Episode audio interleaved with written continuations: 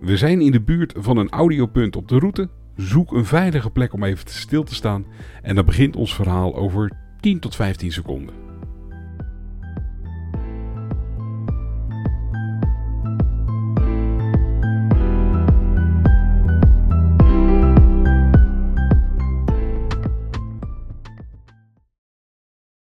Hier aan het water van de Woudwetering staan we op de plek waar vroeger het Witte Huis stond.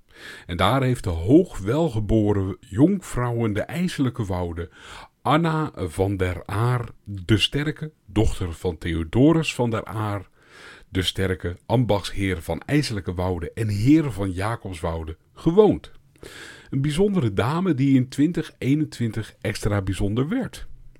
Anna werd geboren op 23 februari 1755 en werd gedoopt in de Pieterskerk in Leiden, waar de familie de winters doorbracht. In de zomers verhuisde de familie naar Huis ter Aar in Wouwbrugge. Het huis zelf had een grote tuin die tot aan de Batenweg doorliep en gevuld was met tuinmanswoningen, een plantage, moestuin, persingen, schuttingen, druivenkasten, broeikistingen, vruchtboomgaarden, slingerbosjes, menagerieën en een stenen kom met fraai fonteinwerken. En in het water lag een zeilboot waarmee gezeild werd, onder andere naar eilandje Benschot, waar de ambachtsheer jachtrechten had. Tijdens haar jeugd heerste er een pokkenepidemie in het land en Anne hielp in Wouwbrugge bij gezinnen met zieke kinderen om hen te verzorgen. Ja, dat is niet zonder prijs, want ze krijgt zelf kinderpokken. En na een zwaar ziekbed met hoge koorts komt ze erop bovenop. En als ze 19 is in 1774, is ze daadwerkelijk ook genezen. Op haar ziekbed ontvangt ze van tal van familieleden, vrienden en hoogwaardigheidsbekleders als gelukwensen een gedicht. En die worden allemaal door een Leidse uitgever gebundeld. Ze schrijft er zelf ook een.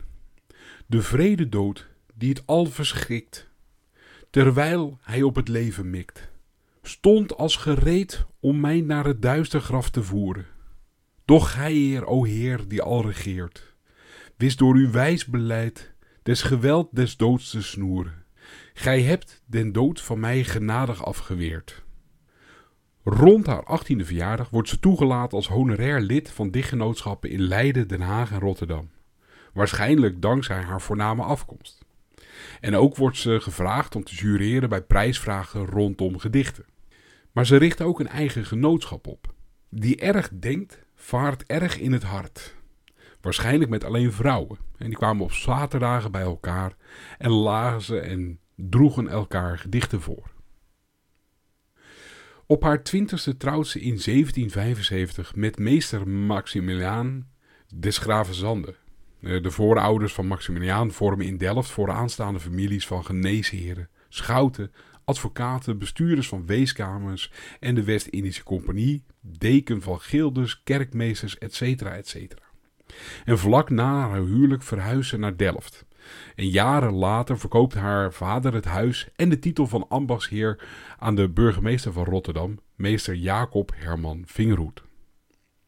En Anna en Maximiliaan blijven kinderloos. De dichteres heeft zich ingezet voor het weeshuis in Delft en voor de opvang en opvoeding van weeskinderen. En ze liet zich heel vaak tot voogd benoemen van vondelingen. Uiteindelijk overlijdt haar man 28 jaar later en 25 jaar daarna overlijdt Anna op 75-jarige leeftijd in Delft. Is opvallend, want tot 2021 werd aangenomen dat literaire genootschappen van louter vrouwen pas in de 19e eeuw ontstonden.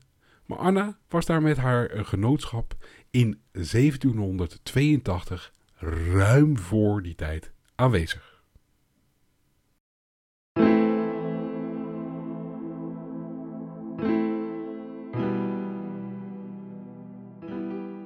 Hey, dankjewel voor je aandacht. Dat was dit audiopunt.